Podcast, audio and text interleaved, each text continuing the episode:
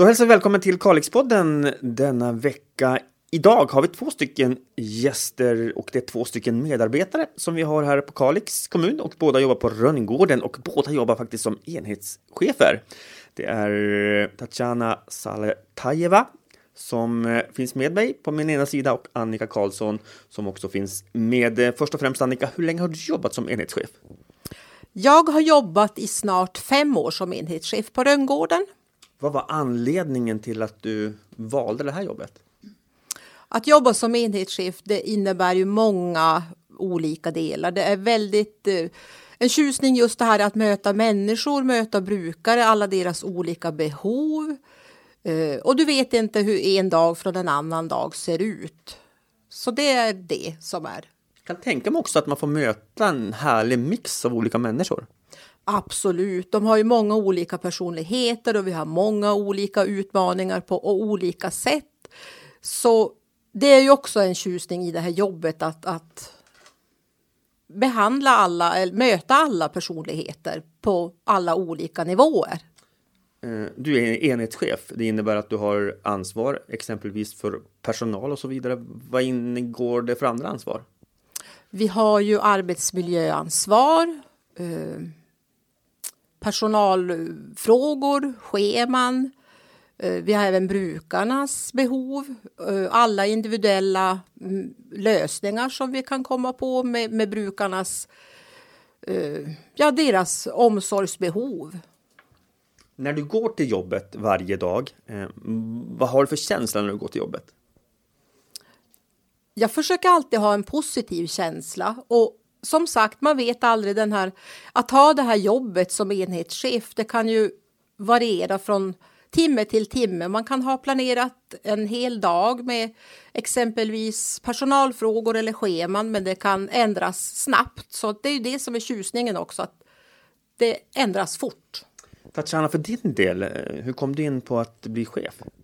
Ja, jag har jobbat som arbetsterapeut i tio år på Kalix sjukhus och eh, brinner verkligen för eh, rehabilitering, för eh, brukarfrågor och eh, när jag skrev eh, mitt examensarbete på universitetet när jag läste där så handlade det om, det om faktiskt om äldre personernas erfarenhet av aktiviteter på särskilt boende. Så jag har alltid varit intresserad av dessa frågor och eh, Eh, när man har jobbat tio år så började jag känna att nu är det dags att utvecklas och gå vidare och jag eh, brinner verkligen för, för det här att jobba med personalgrupper och skapa motivation och eh, se grupper utveck gruppernas utveckling. Så det var nog det som drev mig till att söka den här tjänsten. Och jag är otroligt, otroligt glad att jag gjorde det. Att det är ju jätte, jag håller med Annika, väldigt varierande, stimulerande, väldigt, väldigt roligt jobb. Hur är du som chef?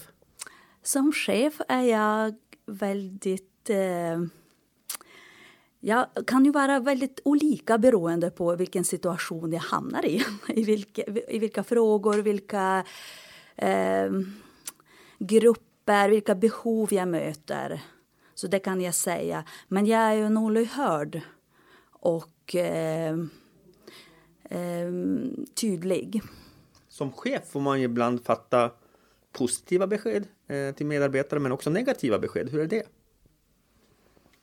Eh, det beror ju på också vad det är för situation, vad det är för ett besked du ska lämna. Men man får ju försöka vara förberedd på de beskeden också och tänka igenom innan man lämnar ett besked. Eh, så ja, det är beroende på situationen. Att du kanske inte levererar beskedet på en gång utan du måste tänka igenom vad är det du ska säga. Nu har vi pratat lite grann om era roller som chefer och det är en del i, i att ni är gäster här idag, men också lite grann arbetet som, som, och läget som är på Rönngården just nu. För jag tror att rätt många är intresserade hur, hur läget går och hur läget är där just nu. Ska vi ta en aktuell bild hur det ser ut? Man vågar ju knappt säga det, alltså ta orden i sin mun, men peppar peppar just nu så är det lugnt hos oss. Eh, vi har ingen som är smittad och, och klart det finns ju en anspänning, en oro varje dag och det kan ju ändras snabbt. Eh, men just nu så har vi det lugnt. Eh, medarbetarna är lugna och det är det vi försöker sprida också, ett lugn omkring oss. Jag kan tänka mig Tatjana att det har blivit en hel del nya rutiner och det är ju en av de bidragande orsakerna till att eh, det inte än har kommit in någon smitta på något boende. Men kan du ge ett exempel på någon av de här rutinerna som, som ni har infört? Mm. Det som är jätteviktigt och det vi, har vi hört även från Folkhälsomyndigheten och det väldigt viktigt med basala hygienrutiner och följa dem är ju A och O. Och då är det, vi har alltid jobbat med våra, ordinär, med våra ordinarie personal eh, när det gäller de här frågorna men det är ju otroligt viktigt att våra vikarier eh, är verkligen jättesäkra på den fronten. Så vi har ju haft eh, möte, stor, stort möte med alla våra vikarier som jobbar i vår verksamhet, informerat dem eh, gällande basal, basala hygienrutiner och eh, eh, hur man använder skyddsutrustning eh, och så. Sen är ju det här att vi är väldigt eh, noga med att upplysa våra medarbetare att ingen får komma till, till jobbet om man har det minsta symptom av eh, ohälsa. Det kan vara hosta eller ni vet vad det är. Och eh, det är ju väldigt, man, man ser att det finns stor förståelse för det. Så personalen är väldigt noga. Innebär det i sin tur då att sjukskrivningen har ökat hos er? Faktiskt inte. Eh, vi har haft lite frånvaro sista tiden och precis som Tatjana säger så, så säger vi ju till dem att de ska inte komma på jobbet om de har symptom. Och vi har ju fått många frågor, alltså många av våra medarbetare ringer ju och kan, vill bara fråga, jag har lite ont i halsen eller lite hosta, ska jag stanna hemma? Och vi säger ju alltid ja, du ska stanna hemma, du kommer inte på jobbet om du har symptom. Men vi har inte någon alarmerande frånvaro. Hur fungerar det rent praktiskt då? Jag tänker om någon medarbetare hör av sig då en, en tidig, en morgon eller kväll som ska jobba natt eller eh, är det er uppgift då att se till att det finns personal? För det här kan hända med kort varsel tänker jag. Absolut är det vår uppgift också. Vi har ju då en samordnare hos oss på Rönngården som har hand om bemanningen. Så de sjukanmäler ju till hon först och hon i sin tur då beställer ju vikarier från bemanningen. Och är det då på eftermiddagen när hon har gått hem så får ju vi, då ringer de ju till oss, så får ju vi försöka lösa det. Men många gånger så löser personalen det själva eftersom vi har en vikarielista som är aktuell. Så de tar väldigt stort ansvar där. Hur ofta får man ta in vikarier? Så ofta som vi behöver det. Ibland händer, vi, händer det ju även att vi får nollvicka. Uh, och det, det händer ju då inte så ofta, men det händer. Nollvicka innebär vad då? Det innebär att då tar vi inte in någon vikarie utan då får de gå på en lägre bemanning än vad de skulle egentligen ha varit. Det låter ju som att ni har ett härligt team som ni jobbar tillsammans med eh, på Rönngården. Eh, medarbetarna är en sak, men ni har ju också brukare som eh, är hos er. Hur kommunicerar ni där tillsammans då med det som händer och sker i samhället just nu, det här med corona och så vidare? Ja, det vi ser också att våra brukare som följer, kan följa nyheter och läser tidningar, det är ju ökar oron hos dem jättekraftigt. Så vi försöker lugna ner dem och eh, förklara mycket och Eh, och sen vet vi också att allt detta leder ju till att folk kanske får en känsla av att de är isolerade och att de inte får träffa sina anhöriga. Och då, varje person som bor hos oss har ju kontaktpersoner bland personalen och det är nu, nu har vi varit extra tydliga, jag och Annika, att varje kontaktperson ska vara noga och, och ringa, kontakta anhöriga och, för att möjliggöra den här eh, kontakten med så att varje, var, varje person som, som bor på Rönngården har alltså en kontaktperson i personalen? Ja, minst eh, två personer har var och en. Så det är ju, de har ju väldigt viktig roll, jätteviktig roll, kontaktpersoner, för det är de som ska se till Eh, verkligen. De är ju nära, det är ju någon som jobbar nära våra brukare så de eh, ska direkt notera om någonting förändras, om eh, behoven förändras och eh, det är de som ska ta kontakt med anhöriga också. Inte bara när det händer någonting utan bara om det allt är okej. Okay, om, om man vill bara ha en eh, bara kommunikation. Sen vet jag också, de är jättebra att ta fina bilder och lägg, alltså skicka till eh, deras barn och sånt. Det är ju jättefint. Och man ser också förståelse, stor förståelse bland personalen. Hur, alltså hur viktig deras roll är just nu. Att det är de som egentligen eh, alltså, mm, kan, det är bara de nu som kan möjliggöra det här att livet känns ja, som vanligt för våra gamla. Sen har ni en tredje målgrupp också. Anhöriga. Ja. Som eh, läget är just nu inte får besöka sina nära och kära. Um, och här kan jag tänka mig att det kan bli en del diskussioner ibland att man faktiskt vill komma och besöka ens mor eller far eller någon annan släkting och så vidare. Men, men det råder besöksförbud i hela Sverige. Är det här ett problem tycker ni? Det är inte ett problem, men jag förstår ju många anhörigas oro. Vi får ju många samtal uh, varje vecka. Eh, anhöriga frågar hur länge ska det här hålla på? Hur länge ska besöksförbudet uh, Eh, vara? Och det är jättesvårt för det vet vi inte hur länge det ska vara utan vi måste ta det här på största allvar för att förhindra smittspridning. Och vi försöker bemöta det väldigt klokt och professionellt. Uh, de förstår. Men det är klart det börjar märkas mer och mer tydligt nu för det har gått så pass lång tid. Men eh, bara att bemöta deras oro och förklara att det är det här som gäller. Eh, besöksförbudet råder fortfarande och vi vet inte hur länge. Men fortsätt att ring. Eh, vi ska försöka verkligen skicka bilder, eh, ha Skype-möten via Teams. Göra allt det vi kan för att de ska få ändå se deras anhöriga då via Skype eller via bilder som personalen då skickar till dem. Som det låter kommer att bibehålla den höga nivån när det handlar om äldreboende. Eh, hur ser ni på det på sikt att inte anhöriga, vi vet inte hur länge det kommer att gälla nu, men, men inte har möjligheten att få, få träffa sina nära och kära? det är ju också jättesvårt att säga, men jag tänker så här att med tiden, ju längre tiden går, så vi hamnar ju någonstans i en, en vana av att, att situationen kommer. Vi måste bara acceptera att situationen ser ut som den gör nu och försöka hålla i och hålla ut. Det, det är väl så jag tänker i alla fall. Vi pratade senast i morse, jag och Annika, om att vi ska se över lite möjligheter. Hur kan vi eh, möjliggöra kontakt med anhöriga? De behöver inte eh, kramas eller komma nära våra gamla men de kanske kan eh, titta på varandra, hälsa på varandra genom ett fönster eller eh, bara vi möjliggör det där avståndet, det där säkra avståndet. Så vi ska eh, göra, framförallt nu när det blir sommar och varmt så kanske man kan eh, ja, hitta vissa lösningar och inte, eh, och inte gå emot de här restriktionerna utan med tanke, med, med tanke att det finns de där restriktionerna så ska vi försöka hitta någonting.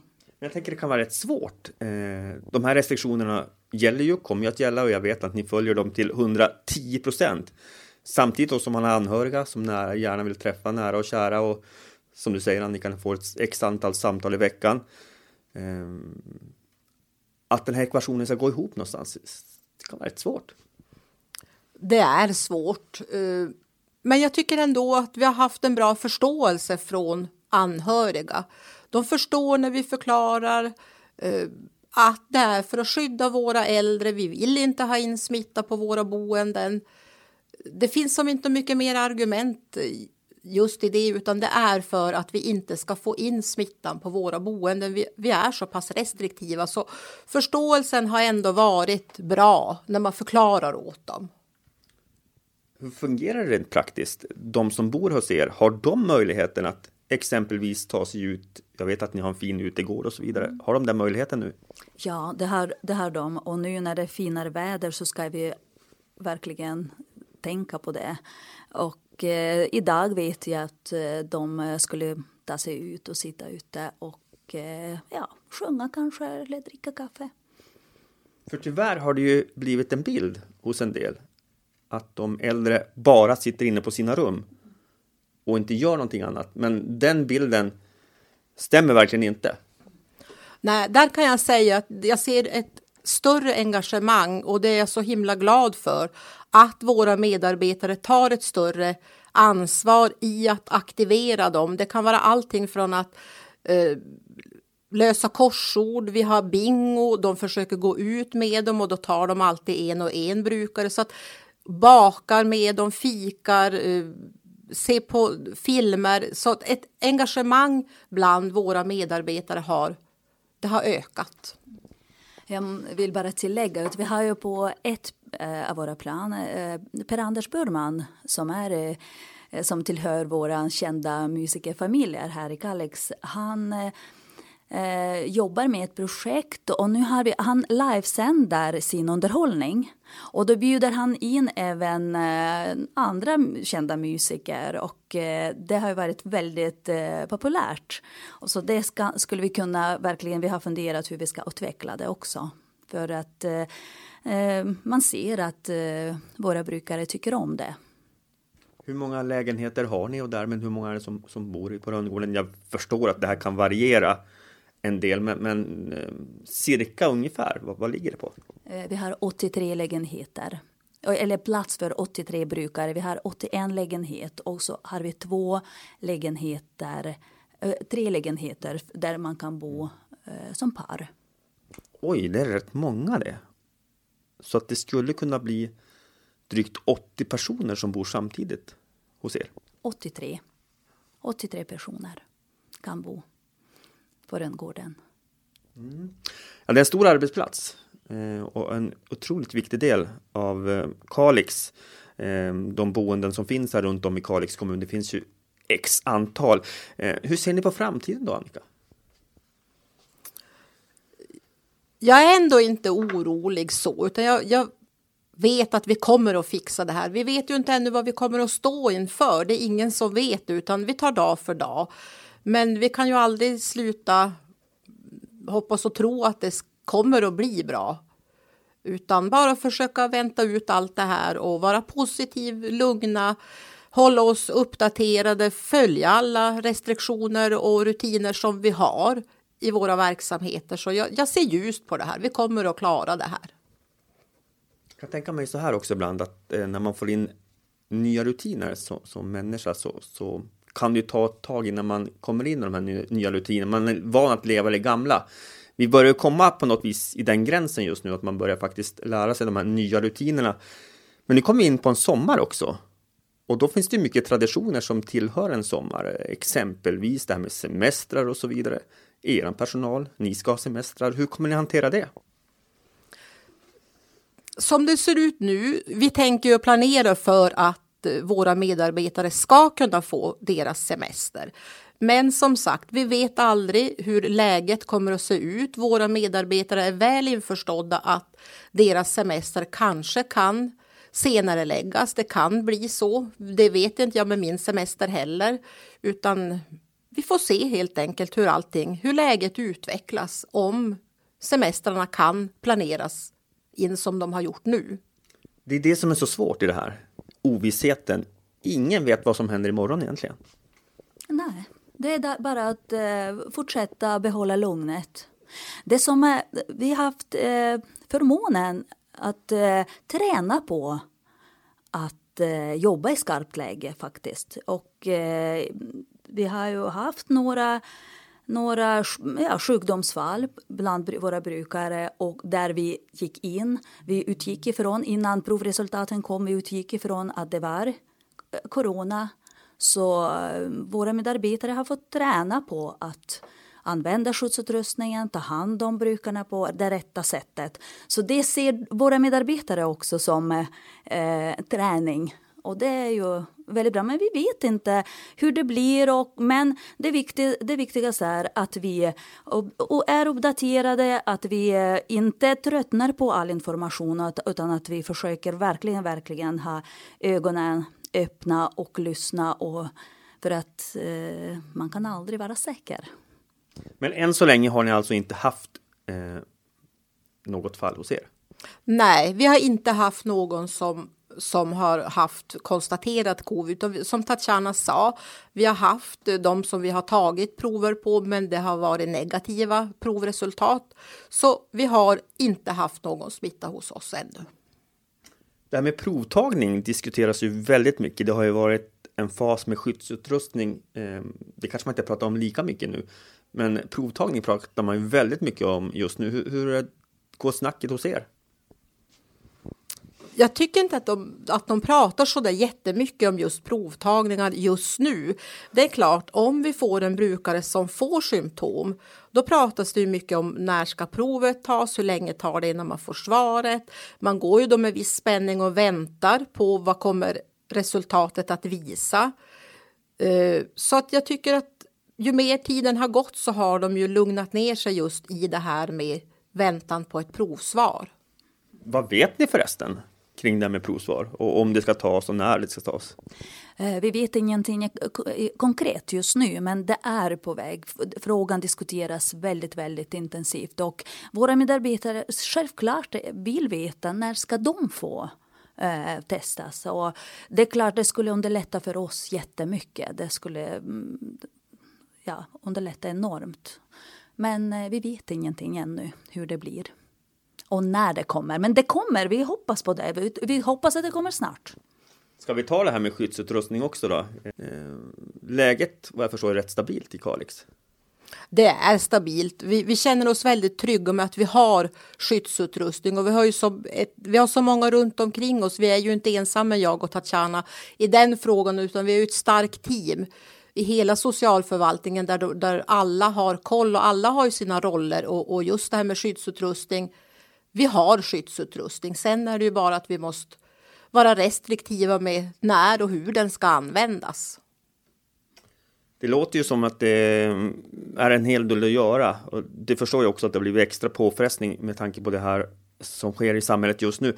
Men eh, också ett fantastiskt jobb, tänker jag. Att få ta hand om, om eh, våra äldre.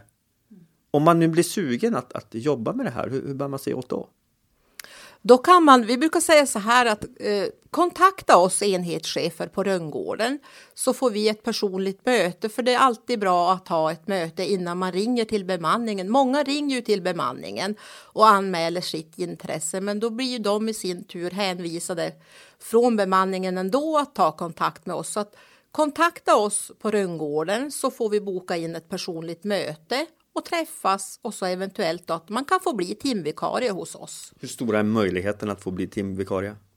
Just nu så försöker vi verkligen rigga upp och få timvikarier. Vi har jättebra med vikarier, vi har fina vikarier, men alla är ändå välkomna att söka. Vi kan inte garantera hur mycket man får jobba, men vi försöker ta in uh, medarbetare på introduktion allt eftersom.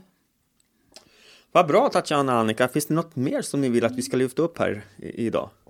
Jag eh, vill bara avsluta med att eh, Rönngården eh, man har en bild av Rönngården. Det är väldigt stor, eh, en stor arbetsplats, mycket folk, många boenden. Och ja, det är ju fantastisk arbetsplats faktiskt. Fantastiskt ställe, fantastiskt boende med många, många kompetenta fantastiskt drivna, lyhörda människor. Så eh, snart i fyra år har jag verkligen fått ja, ära att eh, uppleva allt det här. Jättefin arbetsplats. Hur många medarbetare är det förresten? Ja, vi har ju kring 80 personer som jobbar hos oss. Det är ju jättemånga, tänker jag. Jättemånga. Mm, det är många. Så det är mycket att hålla, hålla vi koll på? ja, vi har ja, som sagt övervägande utbildad personal som vet exakt vad de, gör, vad de ska göra. Så det, är väldigt, det känns väldigt tryggt. Annika, något mer som du vill tillägga? Jag håller med Tatjana. Rönngården är ett jättefint, eh, ett jättefint boende. Och, och, jag är så imponerad av alla medarbetare som vi har hos oss på Rönngården i de här tiderna vi befinner oss i nu. För trots allt så är ju det här en situation som vi aldrig har befunnit oss i. Deras lugn, deras eh, professionalitet, att liksom, vi, vi ska möta det, vi ska klara av det. De är så taggade och det känns så tryggt att ha dem omkring sig. Bra, jag tror vi avslutar med de orden. Ja, tack. Tack så mycket Annika. Tack. Och tack så mycket Tatjana. Mm. Tack Reine.